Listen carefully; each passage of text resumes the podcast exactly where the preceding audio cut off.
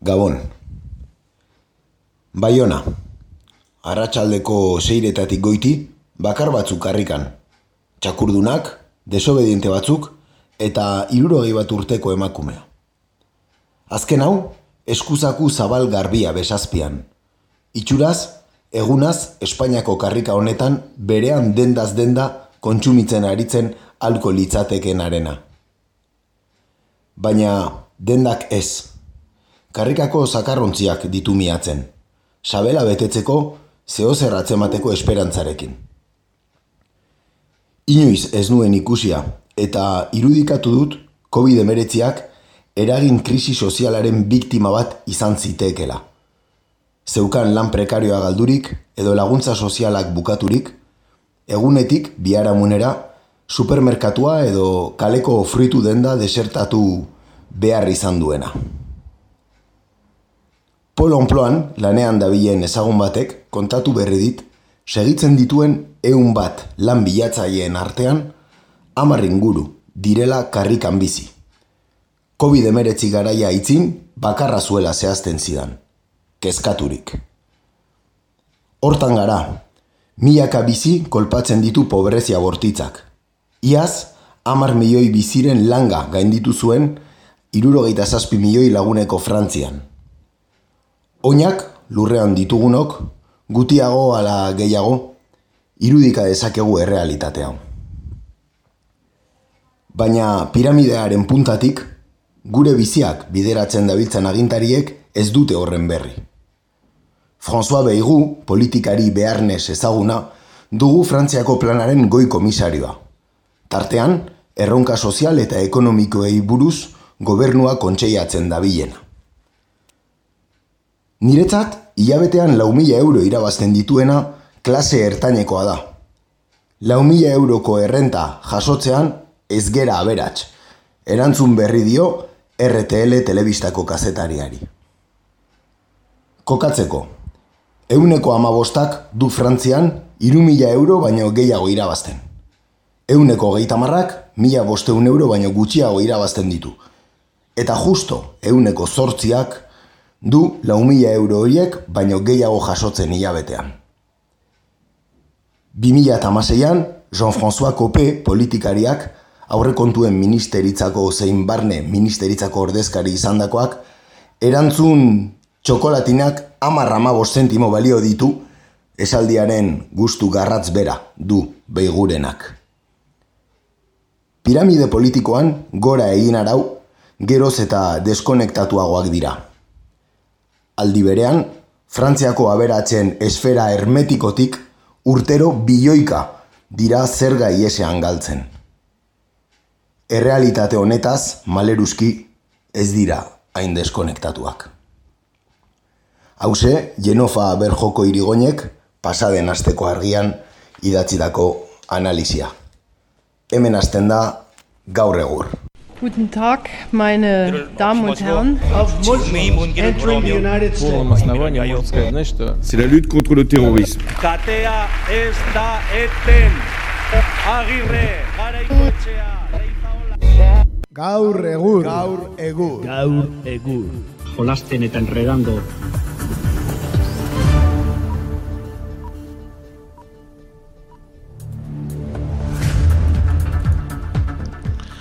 Arratxaldeon, Arratxaldeon denoi, Kaixo den hori. zuzen zuzenean, e, zazpiraketa bos minutu, e, otxailaren hogeita bia, pandemiaren bigarren urtean, eta ba gaur ere lau hankatako bat falta, eh? Ja, ez da nobedadea, nobedadea etortzen denean izango da. hori da, ez? E, ikasi dugu dagoeneko hiru hankaekin ondo mantentzen eta laugarren etortzen denean emango ditugu nobedadeak. Bai, laugarren ali, agian etortzen denean, e, zuzenean, e, ordu terdiko elkarrizketa bat, ez? ez eta, eta listo, ez? Beste gairi gabe, nahiko aukiko du kontatzeko. Hori da, argibide batzuk ere eman barko dizkigu gara. Bai, bai, bai, mikro aurrean eta bai mikro itzalita ere, ezta? Eh? Entzun beharko ditu epelak.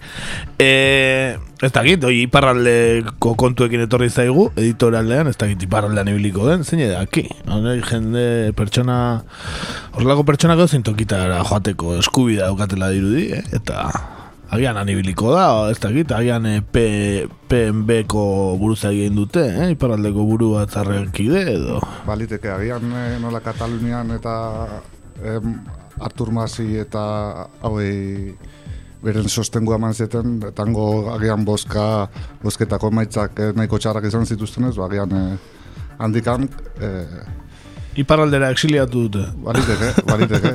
E, Junkerako mugatik, eh? Hemen dikan ez da pasa, bintzet. Ez, ez, hori seguro, ez, ez. Bidasako mugatik ez da pasa, hori seguro. Así que, agian, eh, Kataluniako hauteskunetatik zuzenean, eh? agian, Puigdemontekin eh, zita bat izan eta gero. Zeina daki, beak emango dizkigu primiziak eta argibideak etortzen dan egunean. Hori da. Bitartean, ba, besarka bat. E, guazen bertan gaurrekin.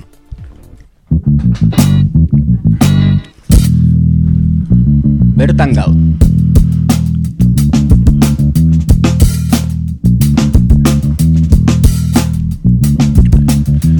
Bueno, ba, gaurkoan e, bertan gaur atalean, ba, ez zer gehi- deigarria gertatzen ez denean, ba, gordeta izaten dugun komodin bat erabiliko dugu, ezta?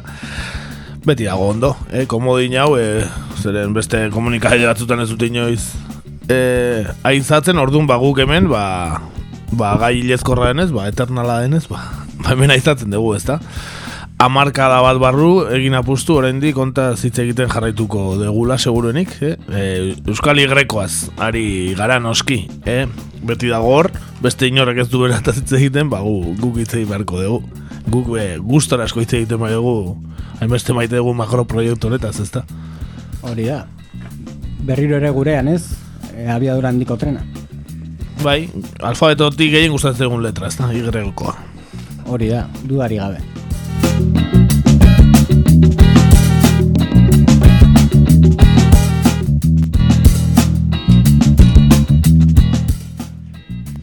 Bueno, ba, Notre Dameko, Notre Dameko katedrala mila honda iruro eta iruan hasi ziren ere ikitzen.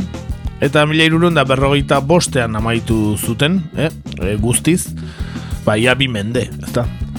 E, nork esango luke abiadurendeko trenarekin uste baino lotura handiagoa duela Notre Damek, ezta?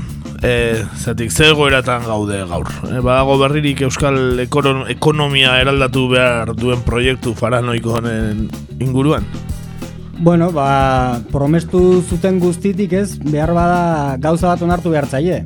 E, hain zuzen ekonomia eraldatuko duela, ez? E, duda izpiri gabe, izan ere datorren belaunaldien bizitza ere bai. Nolabait zorretan nitotzeraino mantenduko dituelako, ez? Hori hori da ekarriko duen eraldaketa. E, zergatik diota, ba, be, obrak duela ia amaost urte hasi ziren, ez? Aurtengo urrian beteko dia amaost urte. 2006an hasi ziren araban eta oraindik EAeko zatiaren inbertsioen euneko berroita mezortzi falta dala eta Nafarroako korridorearen euneko larogeita masei. Falta omen dira e, beti ere AIREF Espainiako erantzukizun fiskaleko agintaritza independentaren arabera, ez? Gauza gutxi. Bai, ea, pe- euskeria, euskeria. Alfombra, alfombraren kolorea eta... Ba, hori da, ze, ze lanpara, gorriak, urdina, bakizu, olako txikikeri horiek, ez?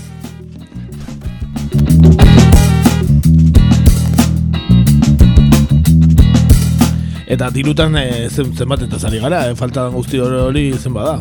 Bai, e, proportzioetan hitz egin da, ies egiten digu ez, Be, benetan daukan e, tamaina, ez ez? Ba, pentsa, e, Euskal Igrekoaren lanak hasi zirenean, duela ma urte esan bezala, lau mila berreun milioi euro inguruko aurrekontuarekin hasi ziren, ez? E, enkin zioten, aurrekontu eskaso horrekin inusiente alakoak, ez? E, lau mila berreun milioi euro, zeote diaba. Eaeko aurtengo aurrekontuaren eren bat. Hola, ideia bat egin dezazuen, ez? E, ezkuntzan eta osasunean gastatzen duguna, baino gehiago. Bai, hori, ba, ezkontza bat antolatzen dezuna gastatu behar dezuna. hola, Bai. Pixka bat gastu handiagoa egunerokoa baino, baino tira, ez? Bai, Onargarria. Bai, gutxi, oporreta jota bezala. Hori da. Ba, bueno, oain arte, eh, ama urte hauetan, iru mila milioi euro gastatu dituzte, eta aurrekusten da, obrak bukatzen dituztenean, bukatzen badituzte, 6 mila milioi euro baino gehiago gastatuko dituztela. Honek esan nahi du, euneko berrogei inguruko gainkostua izango duela. Oraingoz, noski. Ba, Proportzio normalak Euskal Herrian, ez? Bai, bueno, pixka bat ohikoa baino zertxo bai gehiago, baina onargarria Bai, hemen. kantidade handiagoa dalako, baina proportzioa... Bai, proportzioa Antzeko parecido.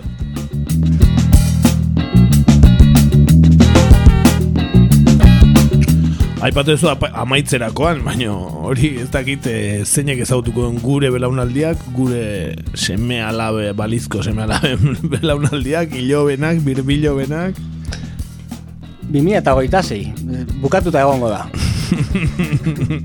2000 eta amabost ez da zeratzen zan lehen, eh, betxa.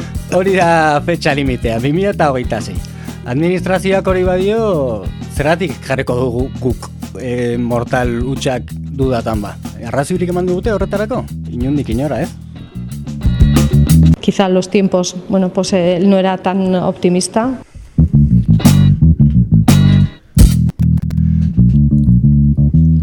Igual no era tan optimista. Igual, eh, Ai, igual... behar bada, 2008 atzean geratu zaigu. Ai, igual, 2008 gero esan zen, ai, 2006 oain, Eh, aurreko urtean, hain zuzen, aurreko urte hasieran, 2008 hasieran, e, Eusko Jaurlaritzak 2008an kokatzen zuen, oraindik, e, ba, bueno, martxan jartzeko data, eta urte berdineko azaroan, ba, 2008 luzatu zuten, ez? Hori, ba, pixka bat luzatzearren, ez? Baina, bueno, gaur gaurkoz inork ez sinisten, ez? baina atzeratu da eh, pandemiagatik, ez? Ah, bai, noski, noski. pandemiagatik, eh, alama hogeita bosturteko atzerapena, ez? Bai, eta hemen di berrogeita marru urtera behar bada beste eskusaren bat izango dugu maien gainean, baina bukatzen ez bada agian hobe denontzako, eh? hori ere esan Ba. Euskal Herriko bidegorririk handiena, Europako bidegorririk handiena.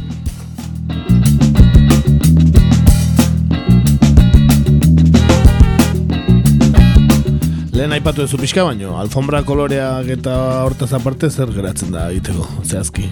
Ba, bueno, eh, LED bombilak edo kontsumo eraginkorrekoak erabili hor dudatan dabiltza, ez, ez baino, hori baino gauza garrantzitsuagoak oraindik, ez? E, adibidez, batetik bergarako lotunea, hau da, Bilbo Gasteiz eta Donostia elkar gurutzatzen diren zentroa edo esango genuke, eta hor, ba, hogeita bat kilometroko tunel eta zubibidez osatutako zati bada, ez? Hor, bakizue erdian Y-honek badaukala iruki moduko bat, ez? Eta hori egitea litzateke. E, lanean ari dira, gaur egun, baina berandututa doaz noski. E, besteak beste, 2006an Mariano Rajoyren gobernuak bertan bera utzi zuelako 2008an egindako adjudikazioak, ez? Eta horrek berriro astera behartu ditu. Baina tira, uskeriak, hauek ere. Espainiar gaizto hauek. Bai, beti, beti gauzak atzeratzen.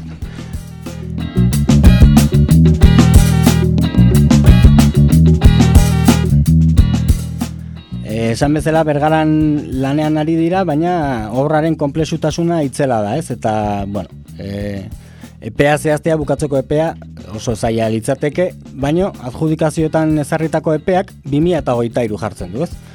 Ikusiko dugu, zeinek egingo da postu alde, inor gutxik, esango nuke. Bai, ez dakit, koder eta hauek ez dituzte jarri dutenik, ez behaien makinatan, eh? Ez, ez, uste, laro meretzi bat izango litzateke behar bada proportzioa. bai, ez dakit jo jokatuko lituzken bere aurrezkiak, eh, hori asmatzearen alde. Tapia Andereak ere ez. ez nik da uste. berak ere ez,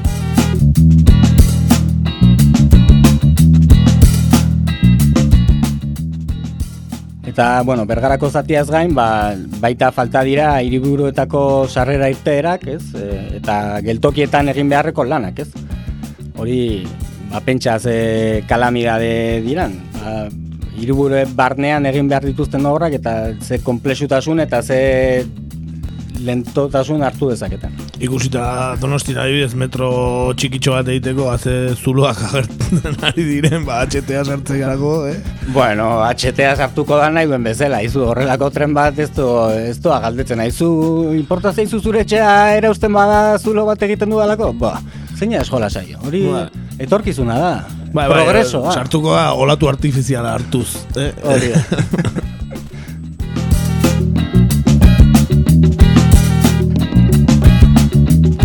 Hala ere, olako proiektuak, emeste denbora iraute dutena, ba, asko mol eraldatzen dira, ez? Hasierako eh, lotura europear izango zan tren marabilloso hortatik ez dakiz geratzen dan.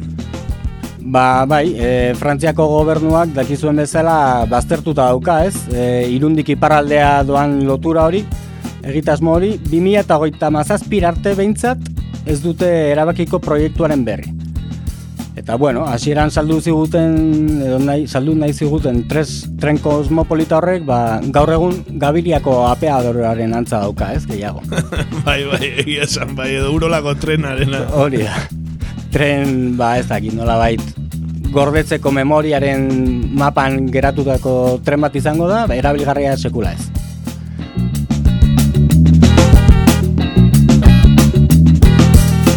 Baina tira, optimistak izan beharra dago, ez? Igual denborekin ez, baina orokorrean bai. E, behar bada, oraindik 2008 mazazpirako obrak amaituko ez dituzten ez, ba, proiektu zarrari heltzeko beza izango du berriro, tapi handereak, eta orduan proiektu berritzaiezat joko digu, noski, eta ikusiko dugu, behar bada edukiko dugu Europar lotura. Bai, 2008 mazazpian zen daki, Tapia Andrea izan daiteke Europar Batasunako presidenta, ba, lasai asko, eh? Ez esatearen estatu batuetako presidenta berria, edorra goren bat, hemen di 2008 mazazpira. Igual datorren urtean izango da estatu batuetako presidenta, eta hemen di 2008 mazazpi bitartean ere postu horretan mantanduko da. Bere aldundea eta jarrera ikusita edo ba, eta bere erraztasuna komunikabidetan ateratzeko eta ze ondo hitz egiten duen eta dana ba, ez? Edo zer gauza izan daiteke eta Andrea beak nahi duena izango. Hori da, behar bada zein edaki Martera joango den lehenengo astronauta izango da, ezta? Bai, edo Marteko lehenengo lehendakaria, igual. Hori uste dut badela ja, eh? badago asuntero bat sinatuta.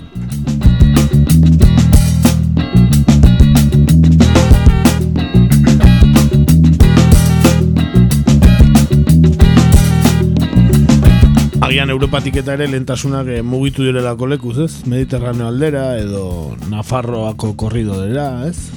Bueno, hori diote, ez? Orain batak enduta bestean jarri behar harreta. Eta, bueno, Nafarroan esan, ba, Kastejon eta Iruñerri arteko zatian, e, amabost kilometroko tarte bat soilik dagoela bukatuta, gainera lauta da, hori badakizu, eh? egiteko erresa den leku bat, erresa kakotxartean noski.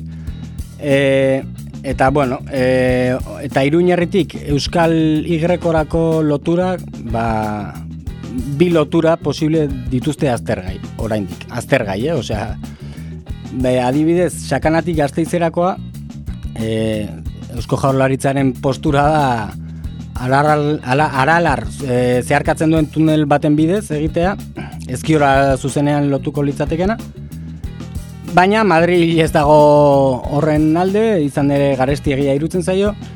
Eta sakanatik, ba, sakanatik barrena doanaren aldeko apustua egiten du, ez? E, Nola baita inongo tuneli gabe. Baina, bueno, e, ba, ikusten duzu, eh? oraindik ere ez daudela, e, ados jartzerako eta obrak asterako 2008 bost, ez dakitola esperantza, esperantza duen izan da. Eta hori esaten diazu, eh, Donostiara San Fermi eta juteko gazteizetik bueltan jumar diala? Ba, horrelako zerbait. Jo, baina no, leike, hola, hola, guso gaizki, eh? Hola, proiektu hori netxe bate gustatzen, ez dut uste, ez dut konbentzitzen, eh?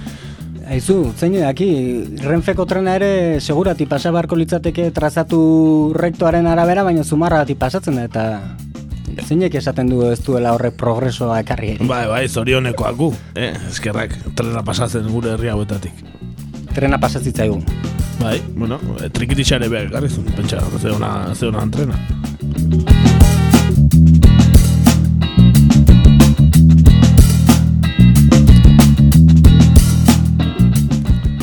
Eta bueno, ba, esan e, gaur egungo herri, Nafarroako lanen gaur egungo erritmoa bizkortu ezean, ba, eundalaro eta marrurte beharko liratekela azpigitura osoa amaitzeko, ez? Baina zer da hori katedral bat entzat? Bai, zeti, da laro mar e, urte iraun zitu Notre Dame, ez? Bai, horri inguru bi mende, ba, bueno, azkenean, ez? Horrelako proiektu faraonikoak etorkizunera begira eraikitakoak hori behar dut. Bai, agian Notre Dame ekin e, komparatu daiteke mezela, komparatu daiteke Bartzelonako Sagrada Familia, ez? Oendik ez dala bukau. Hori da. Amaitzeke. Igual batera bukauko dia.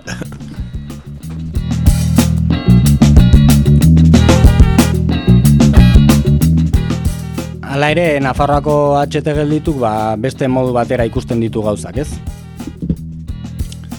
Gero eta argiago, geratzen ari da Euskal Y-koa lusuzko intercity bat izanen dela. Eta gutxi gora bera, autobusaren denbora berean eginen dituela Gasteiz, Bilbo eta Donostia arteko bidaiak. Oroar, sekulako porrota izanen da, izugarri garestia eta suntzitzaia. Porrot horren erantzulei, erantzunkizunak eskatzen hasteko garaia da.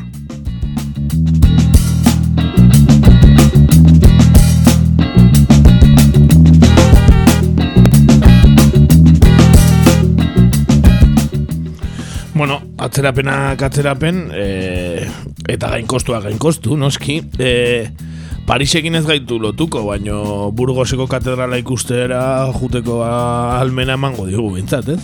Bai, hori da, ez? Burgosek ere baduka bere xarma katedral eder batekin, beste berreun urte tardatu zituena egiten, gotikoa, aura. Eta, bueno, not, noterran bezala, ez? Eta, bueno, ez dakigu HTA gotikoa izango den, edo erromanikoa, barrokoa, kaso? Postmodernista. Postmodernista guztiz, ez? Bueno, eta hau, ba, esan ez doala ondo, ez? E, hau ere nola joango da, ba, ondo horrelako azpiegitura bat. E, ba, esan gazteizi burgosera joango litzateken zatia, e, iaz, e, geldi, geldi, iazti geldi dagoela, izan ere ingurumen eraginaren azterketa gelditu zuten eta horrek ba, eragiten du ezin aurrera jarraitze ez. Eta, bueno, e, honek ze ondoriotara garamatza, ba, tapi handereak esaten zuen behar beharrezkotasun hori agian ez dela beharrezkoa ikusita hasierako nexo eta lotura guztia pikutara doa zela, ez?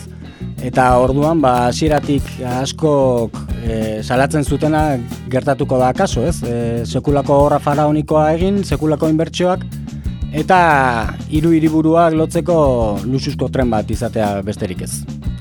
Naturaren suntxidura guztiarekin noski. Baina, bueno, e, izatez 2008 marrerako e, ezarrita dago Burgos gazte izatia, e, inauguratzeko epea, baina ez da, ez da, ez da lot sortuko, egi, nola bait, abalosek aitortu zuen bezala zaila izango delako epe hori betetzea, ez? Ba, martxa honetan, trenbide ekologiko eta berdea maitzerako nik ikusten ditu dagoneko kamioi elektrikoak karreteratan ibiltzen, ez? Bai, e, petroleo agortuko da tren hori amaitu baino lehen, ez? Bai, eta ez dakit, hor gastatutako hormigoi guztia behar bada ba, puskatu egingo da, ia, ia, ez? Ez dakit zenbat urte behar dituen, baina bai, duela hogei urte eraikitako gauzak, ez? Nola bait e, mantenua eman bartzaie, bestela desegituratzen bai, eta joaten dira, horrek ere beste... Pitzatu hombre, baina trena gaina berrigoa izango da eraikitzen duten azpiegitura baino, ez da? Trenak berriagoak izaten godira, amarka amarka berriagoak izango dira, Bueno, eh? uste talgoak harri bar dutela berriro gure. Vaporezkoa, eh? Ikat, ikastezko trena ustet izango da, txete bai. azkera. Hor da biltapi handerea negoziatzen, ea azpeitiko bago joie jarri ditzaken batxan berriro. Oain ustet peletak indi jotzela, eh? Bai. berri, berri kola dia.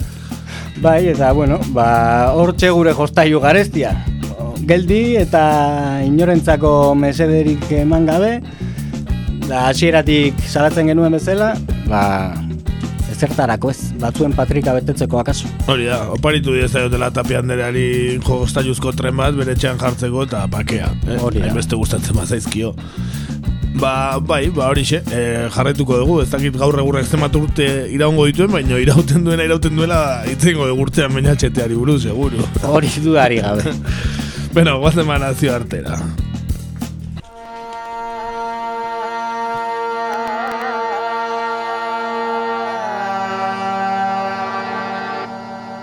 Nazio artean gaur,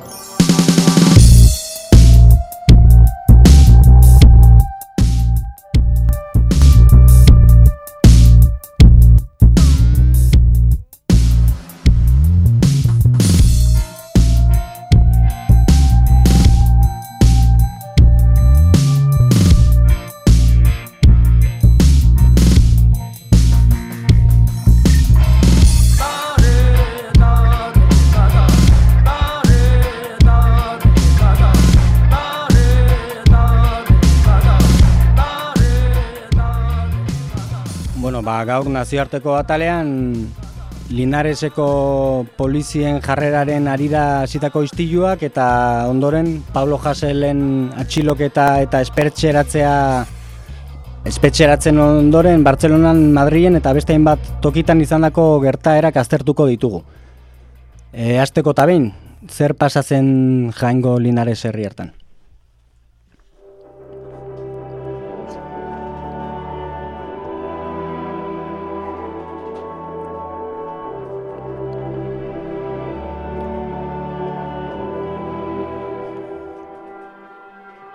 Eso que me atrae de ti no sé lo que es. Bueno, indarkeria gaua Linaresen izan zen eta bi poliziak ikusiko zenuten agian e, gizon bat eta haren amala urteko alaba jiboitu zituen, ezta? Quiero hincarle el diente a tu culo redondo. Sexo en la primera mirada era el postre que se adivinaba. Hori da ez, e, jaengo Linares herrian e, indarkeria eta iztiu handiko ga, e, gauak izan zituzten, eh? Aurreko astean e, irudietan ikusi genuen bezala bat taberna bateko terrazan e, zerbutzutik e, kanpo zeuden bi agentek gizon bati eta haren amala urteko alabari egindako erasoaren ondorioz, ez? Siento el lento movimiento de tu lengua recorriendo mi clavícula, drogado por el deseo sexual. E, ondoren, gertaren ondoren, bat entzio handiko gau bat izan zen, e, gutxienez amairu atxilotu izan ziren, eta guztira emeretzi polizia zauriturik suertatu ziren. Segurtasun indarrek e, gau mugitua aurrikusi bazuten ere, manifestari talde bat polizien aurka oldartu zen, eta iriko polizia etxea ezituta zuten arren hainbat objektu jaurti zituzten manifestariek ba, poliziei eta komisariari, ez? Entzut ezagun, e, jipoiaren momentuko e, zati bat, ezta?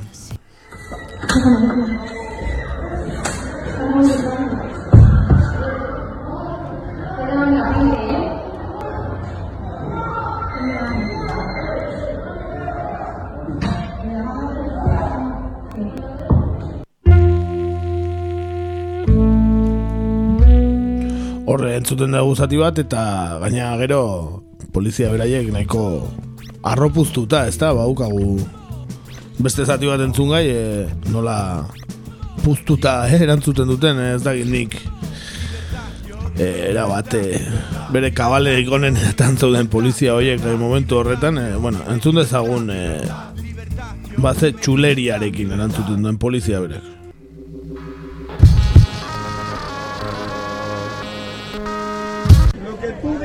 Tiene por qué hacerse, a ver si lo entiendo. Estoy hablando con usted. Lo que tú digas no se va a hacer porque tú lo digas, a ver si lo entiendo. Yo quiero que a este, a este señor, por favor, le haga la prueba de alcoholemia. Le voy a hacer un huevo pato, así de gordo, como sombrero un picado.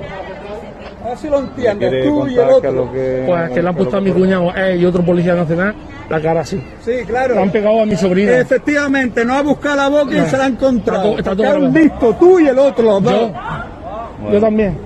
Lo ha pegado a mi sobrina con 14 años. Con 14 años porque se ha metido donde no tenía que meterse. Le han pegado a mi sobrina de 14 años. Le han pegado a una mujer que pasaba por ahí y la tiró un tercio. A todo el mundo, le hemos pegado a todo el mundo.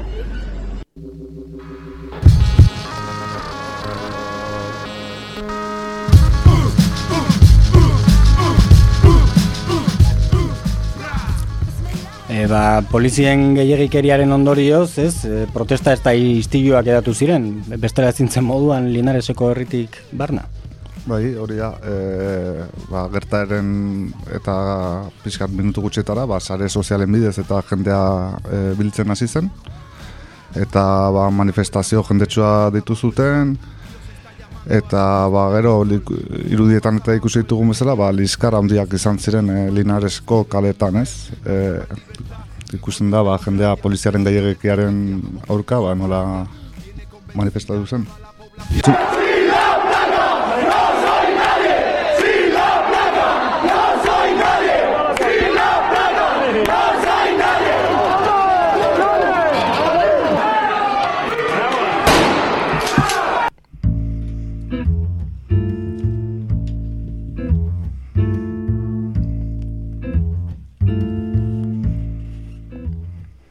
Poliziak susko armak erabili zituen beste behin, ez? Horrentzuten genuen moduan.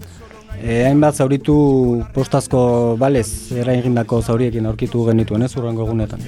Ba bai ez, ba, e, jakin genuen nola gizon bat eta emakume bat, ba, eskopetaz e, jaurteriko ba, e, postazko balak, balez, zaurituta zeudela, esan bar da, e, hau munizio erreala dela, e, bai eizerako edo jendea hiltzeko zuzenean erabiltzen den munizioa, eta ba, inok ezaki zehar azorien gatik, ba, egun hartan e, poliziek e, kargatuta zituzten bala hauek eta erabili zituzten, ez?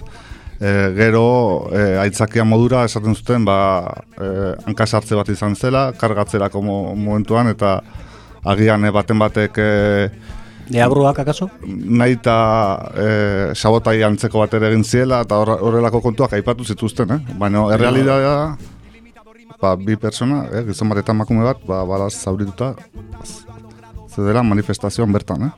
Entzun dezagun, eh, gizona, kasu honetan, ez da? Tengo, aquí tengo cinco orificios, cinco por detrás de entrada y cinco de salida. Y aquí tengo uno de entrada y otro de salida. Tengo doce total. Y, escucho a la gente gritar y salir corriendo, que donde yo estaba no había altercado ni nada. Pero escuché a la gente salir corriendo y claro, pues yo lo primero que hice fue salir corriendo también. A esto que escucho un disparo y, justamente siento un calambre en la pierna. Yo pensé de primera que me habían dado con una pelota de goma, porque no me esperaba. Claro, yo no me voy a imaginar que tenía munición real dentro de la escopeta. Vamos, tampoco se me pasó por la cabeza que fuesen a cargar contra nosotros, porque es que no estábamos ni gritando, ni, ni insultándonos, ni nada, que estábamos allí tranquilamente viendo lo que pasaba. Al, día siguiente en el hospital vinieron a pedirnos disculpas a mí y a mi familia, como que había sido un, un tiro por, por, equivocación, que no debía de haber estado esa munición dentro del arma. Yo todavía no me lo creo. No me creo que en una manifestación carguen con, con munición de este tipo. Yo quiero saber quién fue el que apretó el gatillo contra mí y quiero que se haga justicia contra el que apretó el gatillo.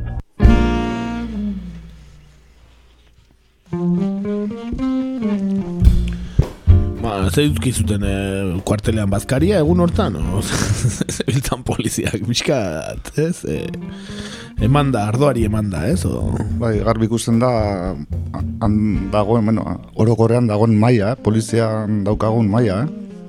Bai, bai, bintzate jaenen, bai, e, kasu honetan izan delako, ez? E, Linaresen, e, jakin dezagun pixka gehiago Linaresi buruz, nik ez dut asko ezagutzen, gehiago bere abizena araman telebista aurkezlea ezagutzen dut herria bera baino gehiago, ezta?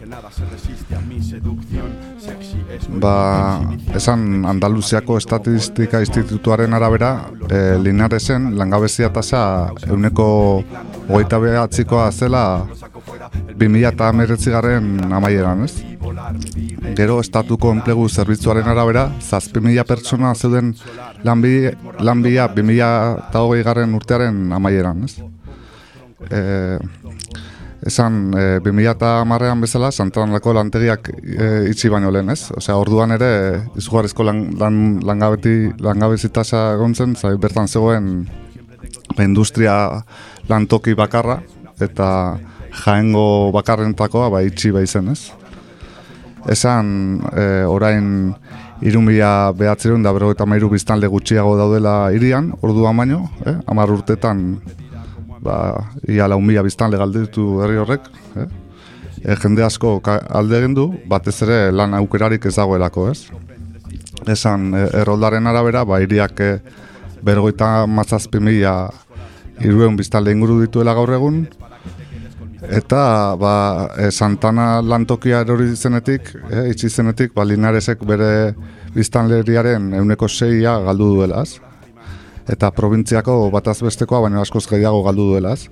E, aipatu jaen, e, probintzia, e, biztanleria gehiena galtzen ari den Espainiako probintzietako badelaz malo no va a haber reparación no tras esta grabación improvisándolo La España vacía, ¿eh? Esatezun Albert Rivera zintzan Albert Rivera, ez da Uste bai, ez, La España vacía, ez? Baina egiten duen beroa torrantearekin a ber zein bizitzen den bertan Bai, baina, bueno, ala ere ez dakit eh, Espainiar estatuko poliziaren eh, bataz bestekoa ez da izango oso altua, baino hemen ikusi ditugunak agian bataz bestekotik bera daude, eh? poliziaren mailan ere. Eh? Bada esatea, eh?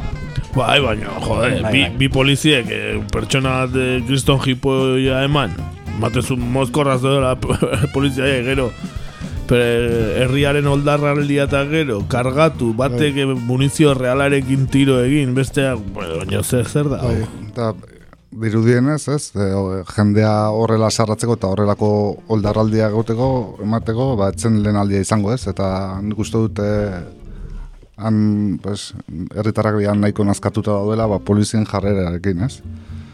Eta jakinda ba, e, langabezi asko duen herria dela, eta ba, arazo asko duen herria dela, ba, seguraski ez dela kasualitatea izango, ez? Linares bezalako herri batean, ba, horrelako polizia eredu bat edukitzea, ez? Je- Jendea bildurtuta edukitzeko, eta... E, Ez daitezen kalera atera, ez? bai, bai. Bai, baina, bueno, langabeziarekin bukatu nahi badute, Linaresen, ba, sar daitezela dana polizia, ez?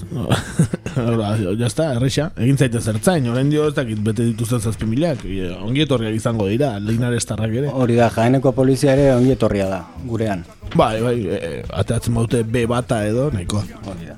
Eukiko zuten puestotxoa, seguro. No sabemos nada, es la cuestión en cuestión. En mi dedicación a la meditación y a la oración no busco explicación, solo mis E, ba, Linareseko gertaerak baretzen zeuden momentuan bertan, ez? Beste gertaera batek e, oraingoan Kataluniako herri askotan barrikade barrikadez bete zituzten eta oraingo hontan jendearen haserrea piztu zuena Pablo Hasel rap abeslari eta aktivista komunistaren atxiloketa izan da, ez? A medida que mi fama creció. Creció mi ego y mi ego, mi alma al diablo feció. Le pego fuego en este fuego ardí. Ba, dakizuen bezala, eh, iragan astean Pablo Hassel rap abeslari atxilotu zuten, eh, Jediako Unibertsitateko klaustroan, eta atxiloketa geratu, eh, gertatu eta gutxira, ba, ja, iztioak hasi ziren bertan, bai Jedidan eta baita ere Kataluniako beste hiri batzuetan, eta bereziki Bartzelonan, ez, ikusi dugun bezala, ez.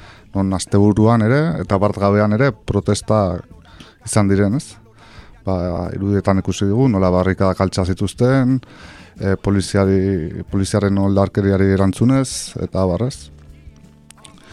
Baina, bueno, e, ondoren jakin genuen, e, manifestazioan parte hartu zuen neska batek e, begia galdu zuela. E, poliziak jaurtiriko, bueno, gomazko bala edo font e, bala horietako baten ondorioz ez. Eta lekukoek argitu zutenez, ba, mosoek ez, zuzenean aurpegira tiro egin omen zioten neskari ez?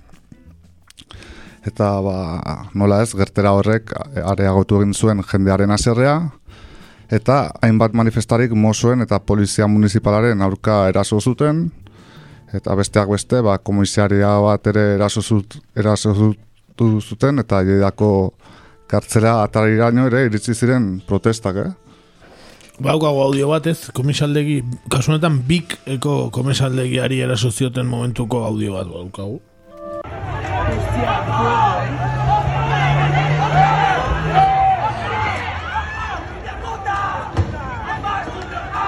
Ya han reventado.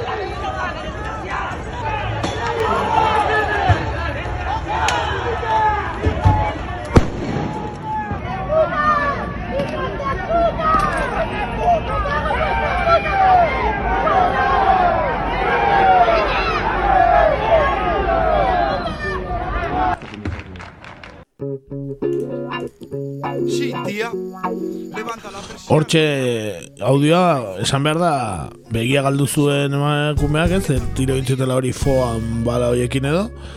Eta horiek eh, jarri zituztela gomazko pelotak eh, galarazi zituztelako go- gomazko pelota beste beste begia galar, galtzea kartzen zuelako ezta Beraz, eh, aldatu dute munizioa, baino erantzuna edo gertatzen dena berdina da, ez? Ondorio berdinekin. Eta hemen ere Euskal Herrian autonomia erkidegoan ere berdina zutela, ez? Aldatu zuten munizioa, ja ez dago gomazko pelotarik eta foamekoa jarri dituztela. Bai, eta dirudienez asteburuan ere probatu dituzte, ez? E, uste dute Gernika inguruan, ala? Bai, eta Bilbon ere bai agian, ez? Bai, bai. La vida era distinta como yo me la tomaba. No es hacer, no es tener, es ser, es amar, es crear, no es subir ni temer.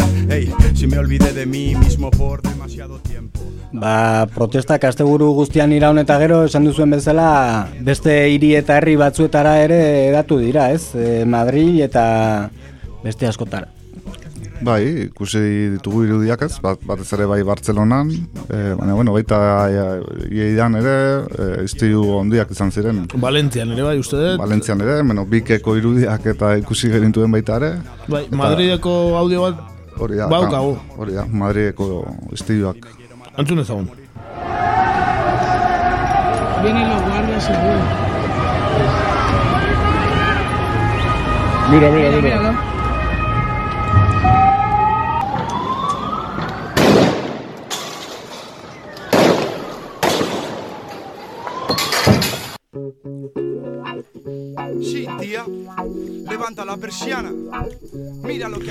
Ba, ikusten da, ez, eh, agian eh, Pablo Jaselena izan dela txispa hori ez, sua piztu duena, baina baina atzetik gauza gehiago, aldarrikapen gehiago ere badaudela, ez?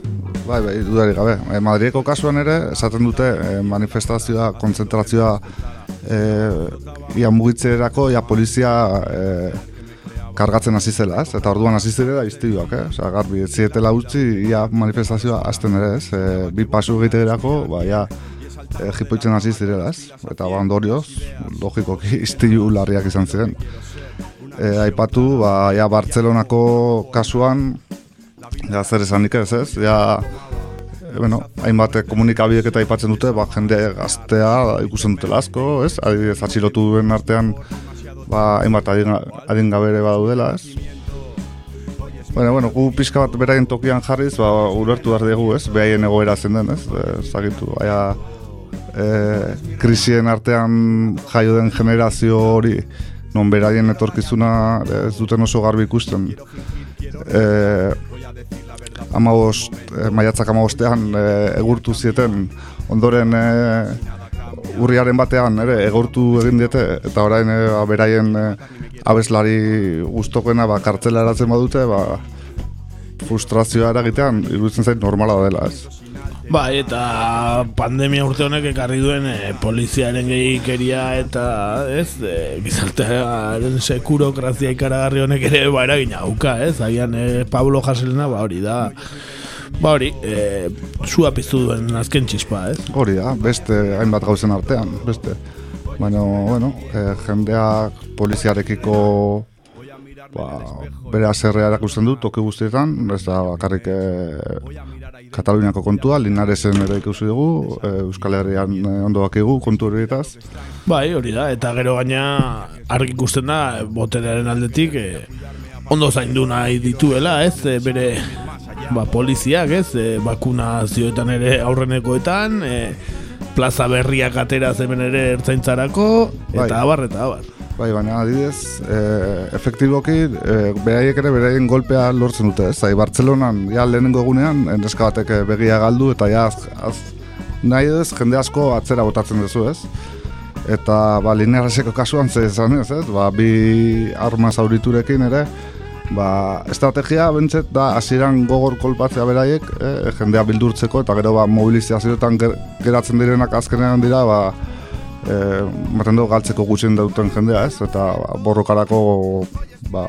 Ausartenak edo... Ausartenak edo, hori da, bai, bai. Hoy es mi renacimiento.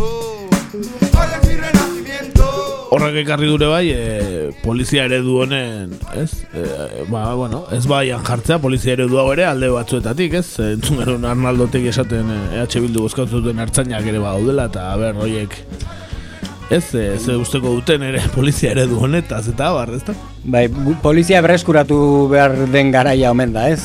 Otegiren hitzetan, baina tira. Bai, ez da git. Egia da, e, e, poliziaren jokamolde hauek, ez, aspaldidanik ezaguna ditugunak bestalde, ba bai nolabait debatea jarri dutela mai gainean, baino alor jakin batzuetan bakarriz, e, telebista ikusteak nazka besterik ez du ematen, hau da, inongo ez dago analisi kritikorik edo ba, dana da oso gainetikakoa, violentziak sekula ez du ezer honik ekartzen, e, jaun Andreok, ez errepikatu mantra bat mesedez eta pixka bat ornitu zazue datu eta analisi zehatzez ikuslea ez? Bai, violentziak ez du ezer konpontzen, baino polizia erabiltzen duen e, violentziak bai konpontzen ditu gauzak dirudienez. Bai, eta bai, eta zenbakiak azkar jartzen dizkiete adibidez txikizioak daudenen, ba e, bueno, normalan bezala, ez? Ba, adibidez e, zaborrontzien kasuan edo eskaparateak hausten dituztenean, ba, zifrak azkar botatzen dituzte, ez? Ba, zagitzen bat mi eurotako kalteak eta bar, baina nor kalkulatzen du neska horren begiaren zifra, ez zenba balio duen, ez? Ezin, ezin da, ez dauka. Ezin da, para, ezin da ordaindu, ez da. Horraitik, ez.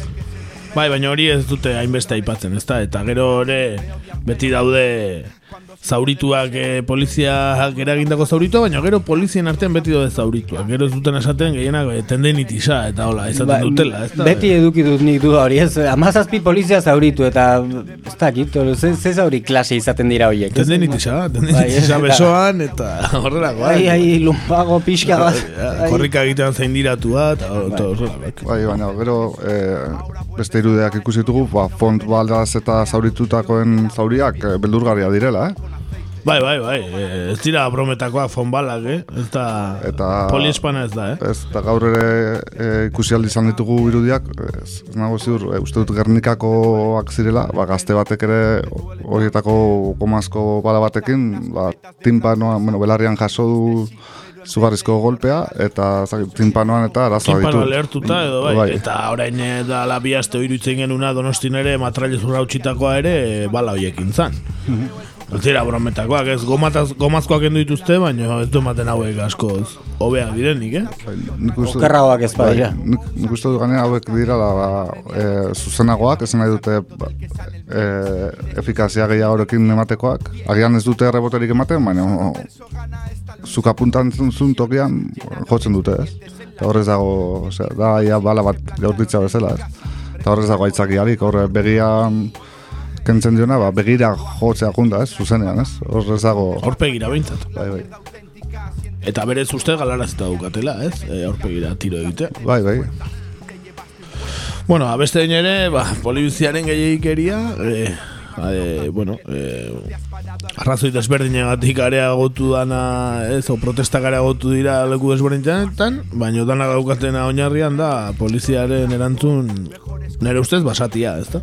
Bai. Gero fokoa nun jartzen duen bakoitzak, ba, ba begiratuko dio nahi duen violentziari, baina poliziaren ari ez diote enbeste begiratzen eta benetan basakeria hutsa da egiten duten. Me cago en ese puto obispo de Lucifer, siervo sombrío, hijo de puta, ya podrás con críos. Bueno, abestitxo batekin eh, nazioarteko atalau eh, utziko dugu ez, kasu honetan Euskal Herriko talde bat eta beste Espainiar bat, Zaragoza harrak ez da, ba, Bioleadores del Verso eta Sociedad Alkolika talde ba, batera atera zuten abesti bikaina ez, Politika del Miedo, ba, zat, abesti horrekin utziko zaituztegu, eta gero gatoz ez tarria pixkat, atxeden hartu eta gero.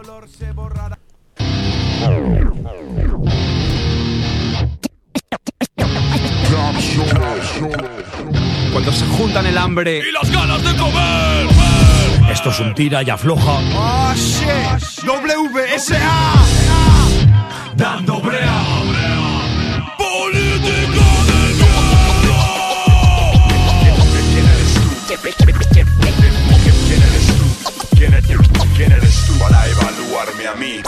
Vemos tu ropa tendida desde el satélite, estés donde estés y aunque protestes, sabes que es en busca de prestes, de huestes hostiles, en busca del criminal, pero al final saltan por los aires civiles, somos la voz que debes oír de todos modos, si hablamos nosotros callamos todo, miles de agencias en nuestra agenda, no hay otra cosa en la presa que nuestra propaganda, para que el burro entienda, nuestro lenguaje es claro, luchamos por la libertad pero su precio es caro, danos tu voluntad y arrasaremos, someteremos hasta el último pueblo, reduciremos a los bárbaros. Pobres de los que nos desobedecen. El mundo y las personas que hay en él nos pertenecen. Las dirigimos rectas, derechas rígidas. No hay otro misterio, el miedo nos hace vigilar. Como comprenderás, la solidaridad no es nuestro fuerte, nuestro lema es niega al diferente. Eliminamos las fronteras, globalizamos los mercados y ponemos muros en tu mente. Si solo con escuchar vuestro nombre me enveneno, si el mundo se queda mudo, lo que más entero. No les damos ni pena, no, no. No les importamos ni una mierda. En mi boca palabras como si fuera el enemigo. Es triste porque seguro que imaginan lo mismo. Unos acomodados con mentes perturbadas subyugan. Y esto es lo que piensan estos hijos de puta. Dame tu pasta, tu vida, tu sangre, lo tuyo es mío, tu suda, que a mí me la suda que ladres. Mi sentimiento de culpa por hacer el mal es nulo y hacer el mal no sienta tan bien a los de mi curro. Dinero siempre es dinero, venga de donde venga, mi vida peligra, pero merece la pena. Os manejo camuflado en un traje, parezco bueno, yo por ir para vosotros, pero sin el pueblo. Soy siervos, parte de mi dominio, te hipoteco tu alma y la de tus hijos. Yo impongo la ley y nos queda otra que obedecer. Vivir igual a tenerte que joder. Puta vida de mierda, nacemos encadenados, solo eres libre cuando estás muerto drogado. Yo digo no a estos hijos de puta política asusta, pero esta chusma no cesa en su lucha. Whoa!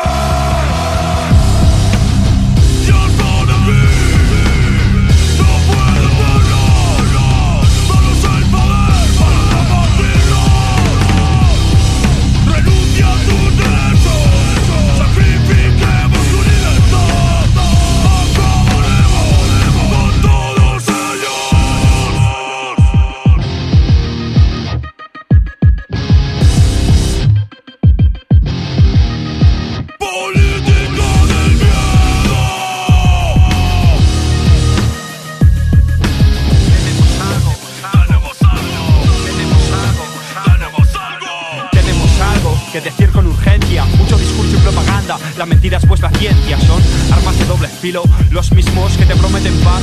Hablan de guerra para que no duermas tranquilo y así. Se hacen con el poder de la población. Amedrentados por los medios de comunicación. Utilizan el miedo como arma política. Yo solo disparo al aire con mi lírica. Cumplen tus sueños, son tus dueños. Dejan opción, solo nos queda el mal genio. Se ve la intención cuando intentan mentir. Creas en quien no cree en ti. Prometen el país de Alicia, libertad ficticia. Siempre te juzga una ley, palacios de injusticia. No se puede vivir al borde del abismo. Ellos en nuestro lugar harían lo mismo.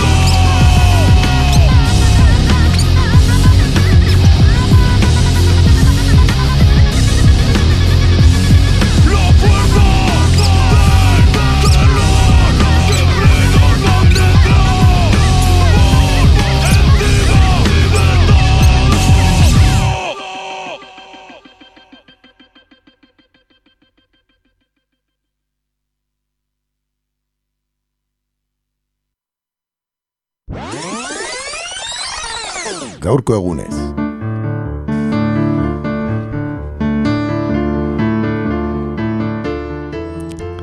Aurreko aste azkenean, otxaiaren amazazpian, eunda amabi urte bete ziren Jeronimo apatzen buruzagia hil zela.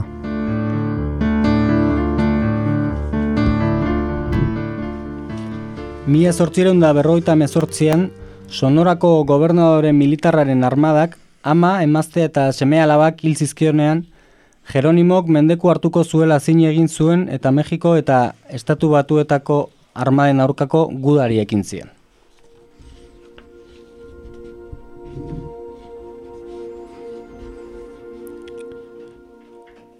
Ezagutu ezagun, pixka bat gehiago, Jeronimo.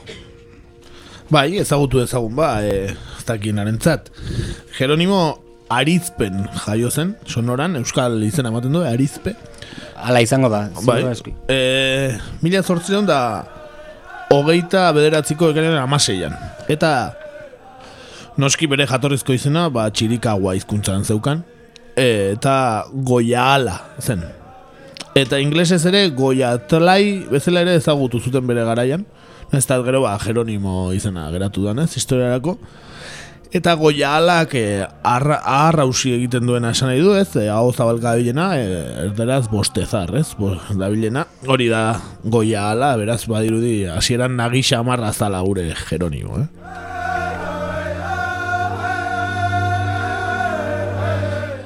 Esan bezala sonoran jaio zen Mexikon, ez gaur egungo Mexikon, baina txiki txikitatik e, Amerikako estatu batuetako Georgia estatura eraman zuten, gaur egungo Mexiko berrian, o Mexiko izango litzatekena, hango bea, beste at, apatxe tribu batera eraman zuten, bedonkoge apatxeen tribura, bertan ba, bere aitonan mako tribuaren buruzagia zelako.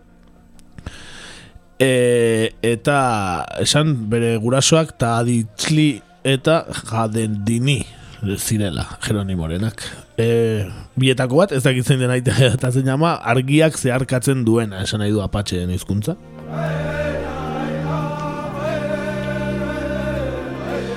Esan dugun bezala, mila sortzen da, berrogeita mezortzigarren urtean, ba, e, hogeita beratzi urte zituela, e, sonorako gobernadore militarren tropaek emaztea, hiru seme alabak eta bere ama hil zituen, eta Jeronimo orduan ba, mendeko hartuko zuela zin egin zuen, eta kotxise txirikauen, txirikaua apatxen buruzagiarekin elkartu zen, eta elkarrekin ba, sonora erasotzen hasi ziren, e, eta bertan Mexikoko soldadu nahikotxo hil zituzten, eta hurren urteetan beste hainbat hiri mexikarren aurkako erasuak ere ba egin zituzten e, apatxeek, ez?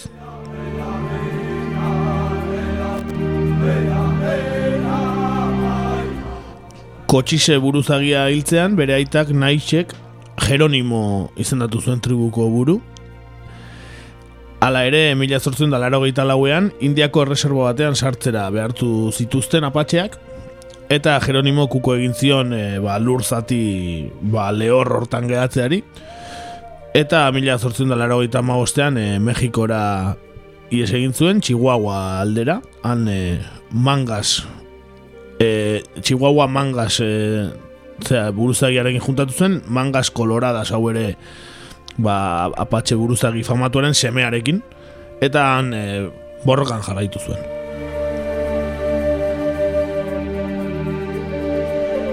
Nola apatxeak ja erreserbetan sartzen hasi ziren ba Jeronimo ibili zen erreserba erreserba ba, bere herrikidea konbentzitzen hori etzela bidea eta borrokatu beharra zegoela erreserbetako lurra konartu beharrean.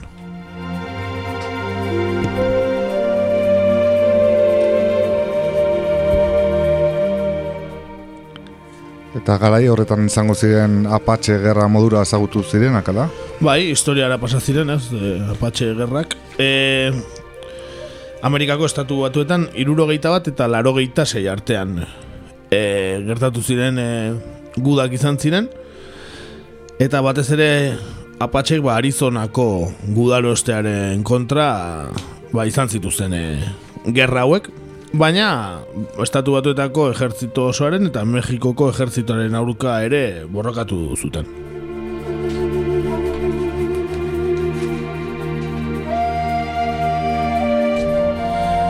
Esan bezala, ba, erreserbetan bizitzera behartu nahi zituztelako, e, ba, batez ere, e, heldu ziren biztanle berriei lekua egiteko eta mehatzaritza e, bultzatzeko, ez? E, hori nahi zuen nahi zuten gobernukoek eta horregatik nahi zituzten lekuz o, lekutik bota ba, apatxeak kasu honetan, ez?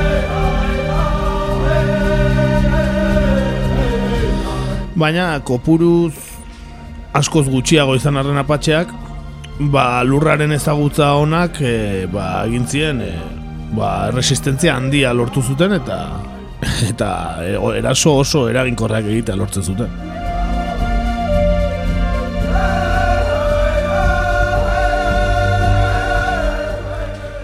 E, beste buru bat hemen ibili zen Jeronimo gerra hauetan, mila zortzin da irurogeita amazeian da irurogeita amazazpian, Victorioren aginduetara. Eta ba, ber, e, hauek ojo kaliente deitzen dan lurralde batean e, egite zuten gehien bat bizitza, eta bertara bidali zituzten, bidali zuten klum generala, Jeronimo atxilotzeko aginduz, eta bilera baten aitzakiarekin, ba, atxilotu egin zituzten, bai, Victorio buruzagia, eta bai, Jeronimo, eta San Carlosera eraman zituzten. Azkenen Victorio aske utzi zuten, baino Jeronimo kartzelan eduki zuten. E, beste hiru pala urtez nahiko lasai egontzen kontua dirudienez, baina elikagai faltak eta reserban egoteak, ba, patxeak berriro Nuevo Mexiko aldera joatea ekarri zuen, eta bertan Mexikarren, tropa Mexikarren aurkako borroka desberdin batzuk ere izan zituzten.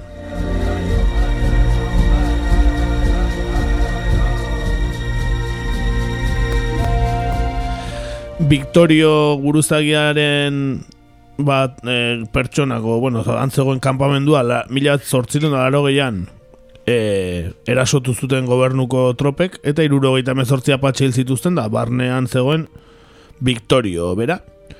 Baina beste batzuk, bai, ies egitea lortu zuten, bai, Jeronimok, eta baita Nana, e, buruzagi batek ere, agure bat zenak, baina oraindik borrokan jarraitu zuen, ez da agurea izan, eta nanaren aginduetara ere borrokatu zuen Jeronimok.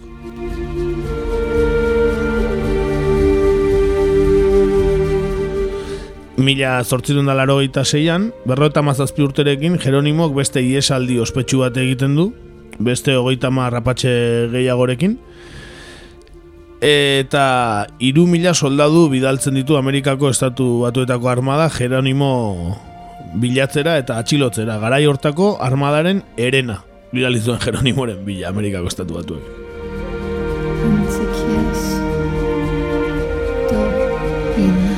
Egunkariek ere izan zuten bere papela, e, asko sustatu zuten apatxeen kontrako gorrotoa eta bar, apatxeak kanpora bezalako titular handiak e, egin zituzten eta hortikan ere lortu zuten adibidez e, gero gure ganaino iritsi den Jeronimo hitza bulla egitea gerra momentuetan, ez? Hori pelikulatan eta ere ikusi Jeronimo bulla da, ez? Justo burrukan asteziala eta ba hori ere gara hortako egunkaria izor diogu.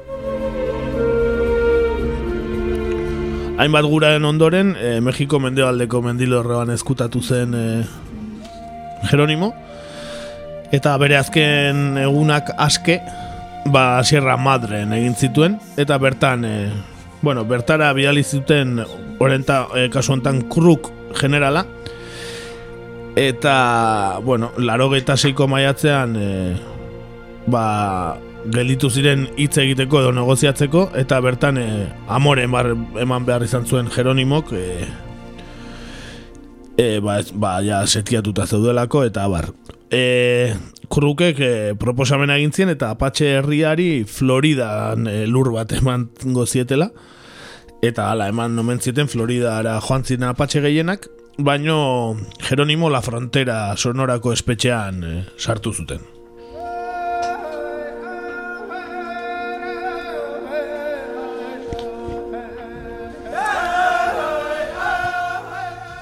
Eta hortik aurrera azken urte triste eta lotxagarriak etorri ziren. Bai, hori da, lehenengo La Fronterako gartzela honetan hiru urte egontzan, Jeronimo. Gaur egun bere izena daraman museo bat da, kartzel hau, eta horitzapen baliotsua gordetzen omen dira bertan. E, esan behar da, Florida ara eraman zituzen apatxak ez zirela moldatu, e, hango klima eta ezetasunarekin ezin zuten, asko gaixotu ziren, eta Oklahomara eraman zituzten India reserva batera, ez? Ez, e, e, eraman, voltatu ziren e, Nuevo Mexikora eta Oklahomako India reserva batera eraman zuten Jeronimo bera, ez? E, eta ezin izan zuen inoiz gehiago bere herria ikusi, o, bueno, bere herrikideak apatxeekin ez gehiago bildu. E, eduki zuten Oklahomako reserva batean, beste jatorrizko nazioetako buruzagi batzuekin, ba, komantxen buruzagiekin edo kiguokekin adibidez. Eta hau denak, ba, ba, marka batzu lehenago, beraien artean etxaiak ziren. Eh? Eta gero, erreserboa berdinan sartu zituzten denak.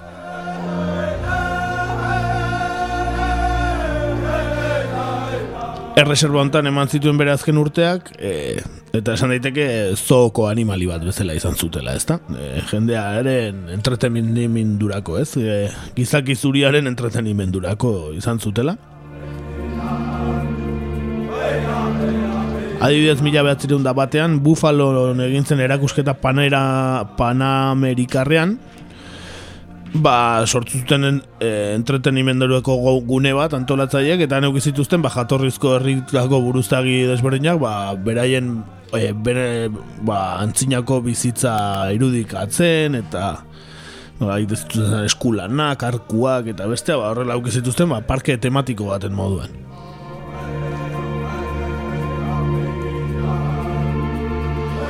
Indiarren kongresua ere deitu zioten bat antolatu zuten eta hemen berrogeita bi tributako ordezkariak egon ziren eta zazpireun jatorrizko herritar inguru osatu zuten. Bita, besteak beste ba, Jeronimo bera edo Crazy Snake beste buruzagi bat ere. Kongresu honetan, ba, agertzen ziren indioak, ba, bueno, ba, tximpantzeak e, zirkoan bezala, ez, eta Hora eukitzen zituzten, da beste beste Buffalo Billekin eta bar eukitzen zuten, ez, ba, bueno, antzerki gixako bat egiten jendearen entretenimendurako, ez da, eh? gerrilari ospetsua izana, ba, bere azken urteetan. Ba, eukizuten, hori. Ba, zirkoko animali bat bezala ia esan daitek. San Luisen egintzen e, e, erakusketa unibertsala, ez, expo izango zena gero, ez, bibila batzen da lauan, ere izan zuten e, desfile presidenzial batean ere parte hartu zuela jartzen zuen. Eta ba, San Luiseko erakusketa unibertsal honetan adibidez eduki zuten arkuak eta geziak saltzen jendeari. Arkuak eta geziak saltzen eta bere bere buruaren argazkiak e, sinatzen, ez, autografiatzen. Pentsa. Hori, ba, mono de feria esaten da. Bai, politika oso Zagin nola deitu, eh? baina degradantea guztiz edo... Umila, umila bai, bai. Era bat, era bat.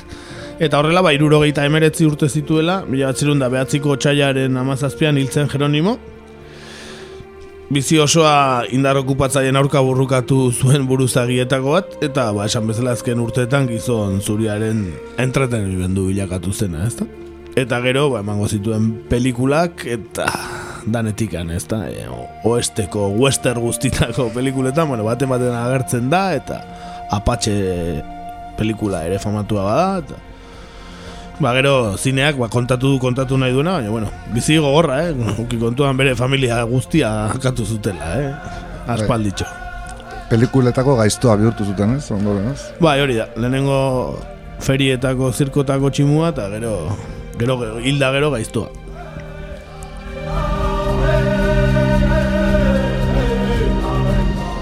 Eta hoxe, Jeronimo ekarri dugu e, Eta abestitxoa jarriko dugu Ondo baderitzo zue e, Kasu enten, ba, nola ez Negu gorriak dauka apatxe gaua Ez da, e, abestia Gu ere, bueno, urretxun tabernan batean egoten baga apatxe izeneko tabernan egoten gehien bat, ez da Eta hor... E, nahiko erreserba da hori ere, eh? Bai, nahiko erreserba, bai Erreserba eskatu egin beharra dago maila hartzeko, eh?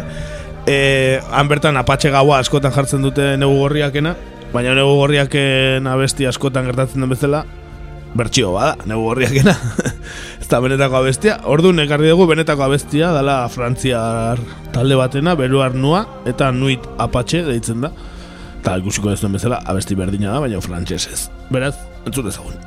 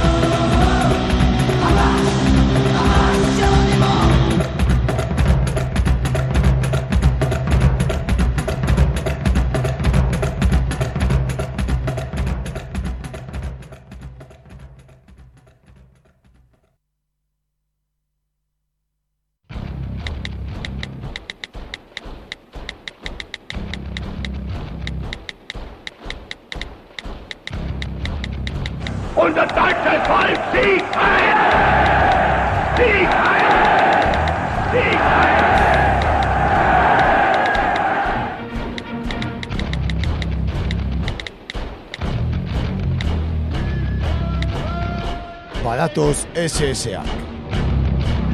Sare sozialetan egur.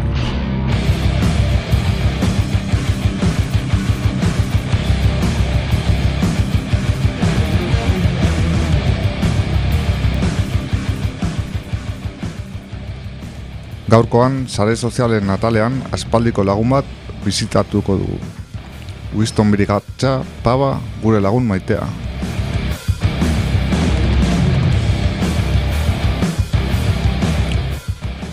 Gaur gainera, hasierara bueltatuko gara. Izan ere, Winston, FARC eta ELN-ek Habanan Kolombiako gobernuarekin zituzten bake elkarrizketen berri emanez egin zen famatu. Gure artean bai bentsat. Eta dirudienez, gai honetara berriz bueltatu da primizia batekin. Bai, ala da, eh? Izan ere, Winston handia, ba, izan da, ELN gerrilla bake elkarrizketara itzultzeko pres dagoela mundu mailako primizian eman duen eh, kazetari bakarra, eh? Ojo, eh? Winston handia, eh? Ez da edozein. Beti esklusibekin, eh? Bai, bai, kasu honetan RPTB bere kanaleko buga saioaren eman du eta entzun dezagun eh, nola ez, nola orkesten duten gure Winston maitea. ELN propone retomar diálogos de paz y cese al fuego bilateral. Nuestro colega Winston Viracachapaba nos entrega detalles. Ba hortxe, nola ez, eh? beti ere primizia eta esklusibekin, eh? Edo zein ebe komunikabiderekin kolaboratzeko prest, gure Winston, e, bere kazetaritza objetibo eta ausartarekin, eh? Erantzu, entzun dezagun, e, bazein den bere esklusiba izan ere, ELN-eko, gerrillako, abanako ordezkaria elkarrizketatu du, eta honek esan dio, bake elkarrizketetara itzultzeko prest dagoela, ez da, edo zein, Winston, eh? Esklusiba bikaina egartzen dizkigu. Construir sobre lo construido e insistir en una salida negociada con la reanudación de los diálogos de paz es el objetivo de la delegación de la guerrilla del ELN que aún permanece en La Habana, Cuba. Horas antes que el gobierno de Cuba asegurara en un comunicado que cumplirá rigurosamente su obligación de garante y cede el diálogo de paz con el ELN, el jefe de la delegación de paz de esa guerrilla, Pablo Beltrán, insistió en un cese bilateral al fuego, pues consideró que es la única salida por ahora para distensionar la situación de orden público en el país. El ELN soporta una ofensiva en todos los territorios en Colombia y en consecuencia pues también hay acciones de respuesta. Eso es lo que hay que poner sobre una mesa de negociaciones. Hagamos unos diálogos de paz, hagamos un cese bilateral. Esa es la salida. Beltrán también fue claro y directo sobre su permanencia en La Habana. La instrucción que nos dieron a nosotros es no levantarnos de la mesa. Y por más de que haya ataques falsos positivos de estos en Colombia, nosotros no vamos a desistir de que se reanude la mesa y de que construyamos sobre lo construido. Esa es nuestra propuesta. Y que un reinicio o un desarrollo de unas futuras conversaciones se haga en medio de un cese bilateral. Esa es nuestra propuesta. Los diálogos con el ELN ya van a cumplir tres años de suspensión en La Habana, Cuba. Esklusiba bikaina Winstonek, eh? Bai, eta erabat implikatuta, eh? Bai, bai, eta inorrek oraindik eh, EDNek eh, horrelakorik eh, ez ez zuen esan ez, eta Winstoni esan dio, ba, hori, eh, esertzeko daudela, berriz ere. Eta ea sari ematero ematen dioten, ez? O, Bai, bai, Pulitzer, ez da gizem bat zaion kazetariei, eta gutxago Kolombian, baina, bai, bai, zoz eman barkaudete. Baina, bueno, e, pixkat gaiarekin jarraituz, e, bueno, ze, Winston kubara joan da, edo zer, ze... Ez, ez, ez da kubati, ez da kubara joan Kolombiatik ez atera, baina COVID-akin eta, ba, Winstonek jende garrantzitsu asko ez dautzen du, baino, baino ez, e, hainbeste, ez da, e, Kolombiatik irtetzen usteko pandemia garai hauetan, eta orduan, ba, ba, distantziara elkarrizketatu du heleneko ordezkaria, Winston nola ez, paston zegoen behitu. Con la cámara de Robert Zambrano, en Pasto, Winston Viracachapaba, Noticias RPTV. Eta gaina Robert Zambranorekin jarraitzen du nola ez bere kamarelari fidela, eh? Handia. E, Gainea, badago, abanara ez joateko beste arrazoi bat. Ez bakarrik eh, COVID-a. Zen, zen arrazoi bat. Ba, gu orain dela gutxi enteratu gara, Wistonek baduela beste lan bat. Izan ere, ba, gure lan berdina, eh? Kakaintzona irratian ere egin ahalko lukena. Irrati esataria da, Winston. Kazetaria den nenean, ba, ez da arditzeko, baina irrati esataria da. Eta ez edozen irrati, eta ez edozen irratxa jo. Pastoko radio relojen egiten du lan. Eta goizean goiz ematen du lehen irratxa joa. Primera emision izenekoa, goizeko bostetan. Kontxo, kontxo. Kontxo Winston, eh? Goiz geikitzen dala. Eguna berearekin hasteko, eh? Bai, bai, primera emisión, entzun dezagun. Beira, Winston, goizeko bostetan, eh? Irratxa joa egiten. En Radio Reloj, aquí comienzan las noticias. Primera emisión, 5 AM, con Winston Viracachá Pava y José Ismael Cardoso. Bienvenidos.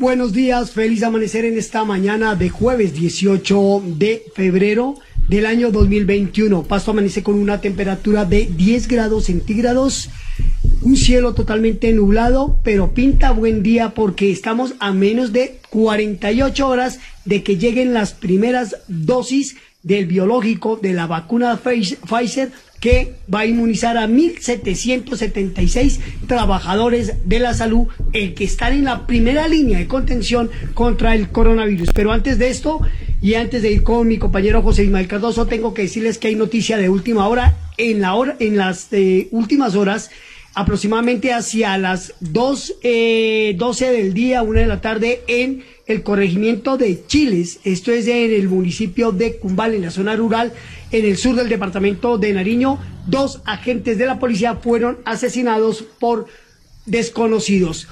Primera misión de Noticias de Radio Reloj conoció los angustiosos llamados de los compañeros que hacían por radio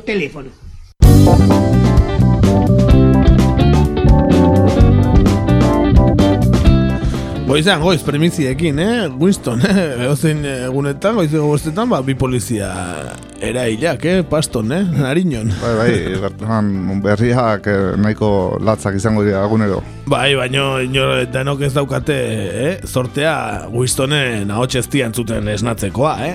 Hori sorte handia da, eh?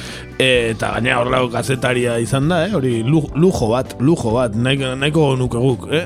esnatu goizean Winstonen ahots eztia entzunez, eh? E, ia ordu beteko saioa egiten du, goizeko seietako bukatuta, izaten dute, beak eta entzun dugun bezala bere kide den Jose Ismael Cardoso, eh? biek egiten dute, eta ba, ba dirudienez lo gutxikoak dira biak, zeren, venga, e, bostetarako irratsaio egin, seietarako bukatu, eta zeiten dute, ba, ba osaltzera, zeingo dute bestela, entzun dezagun. ¿Nos vamos? Nos vamos, vámonos. Nos vemos mañana viernes con más información aquí del suroccidente de Colombia en la primera emisión de Noticias de Radio Reloj. Dios los bendiga, un feliz resto de jueves. Señor José Ismael, a desayunar. Sí, señor, por su atención, amables oyentes. Muchas gracias por permitirnos acompañarlos. Y mañana, aquí en primera emisión, con más noticias y reflexiones. En Radio Reloj, esta es la hora mágica. Son las 5 con 56 minutos. Radio Reloj.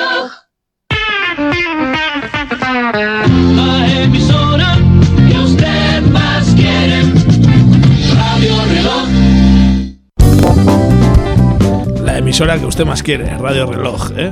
Bueno, bueno, ez dakit ordu aldaketarekin, hemen ze ordu izango den. Hemen goizeko amaikak, así que gu zuzenean lasai asko entzun dezakegu Winston egunero, eh? Nahi izan ezkero, ojo horrekin, eh? Ojo datoarekin.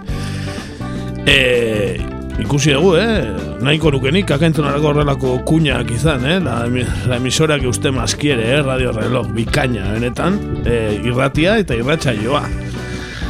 Pentsatzen ari gara, kakaintzonan agian, eh, goizuko amaiketan konektatu dezakegula zuzenean Winstonekin, eh? Eta Naiz eta suelta la olla gazteizko alabediko irratsaioari tarte bat kenduko genioken, ba, agian eh, Agian ondo legoke, eh? Ba, Bintzen astean behin, edo, igual Winston jartzea goizeko amaiketan, eh? Ordu betez.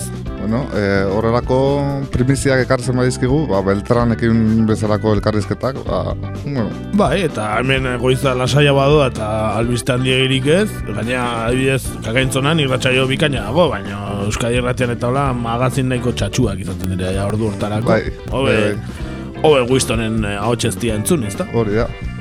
Ba, hortxe, ba, bikaina, eh, Winston, harritzen gaitu kaso egiten diogun bakoitzean, eh, handia gure Winston. Bai, beti zeo ze berria ekartze dugu, eta eh, beti sorpresaren bat, gaina. Ba, eh? oso handia, oso handia. Eskuminak Winstoni eta ea irrati hontatik eh, pasatzeko aukera ere izaten duen, eh? Gu bentsat besoz da hartuko dugu, dudarik ez egin. Bai, jakingo dugu bere berri. Eh? Bai, bai, bai, bai, bai. Ea pandemia bukatu eta elkar ikustea daukagun, bai, Kolombian edo bera ona etorrita, eh? Edo kuban agian, eh? Edo kuban agian, eh? Agian kuban. Han hartuko dugu soberana 02 txupito bat, dano batea. Izan daiteke. Ba, hortxe, e, hori gaurko ez geneukana, datorren astean saiatuko garela etortzen, eh? Ea lau hanka, iru, o ze Bai. izango gean. Zeltasunak zeltasun, eh? Hori da, pandemiak pandemia, hemen egongo gehala espero dugu. Eta abestitxo batekin uste zaituztegu, Panama Kardun, moliendo ka, kubako abesti bat nola ez, kubako musikako abesti bikain batekin uste zaituztegu, beraz, ba, datorren astera arte. Azte una pasada. Aio.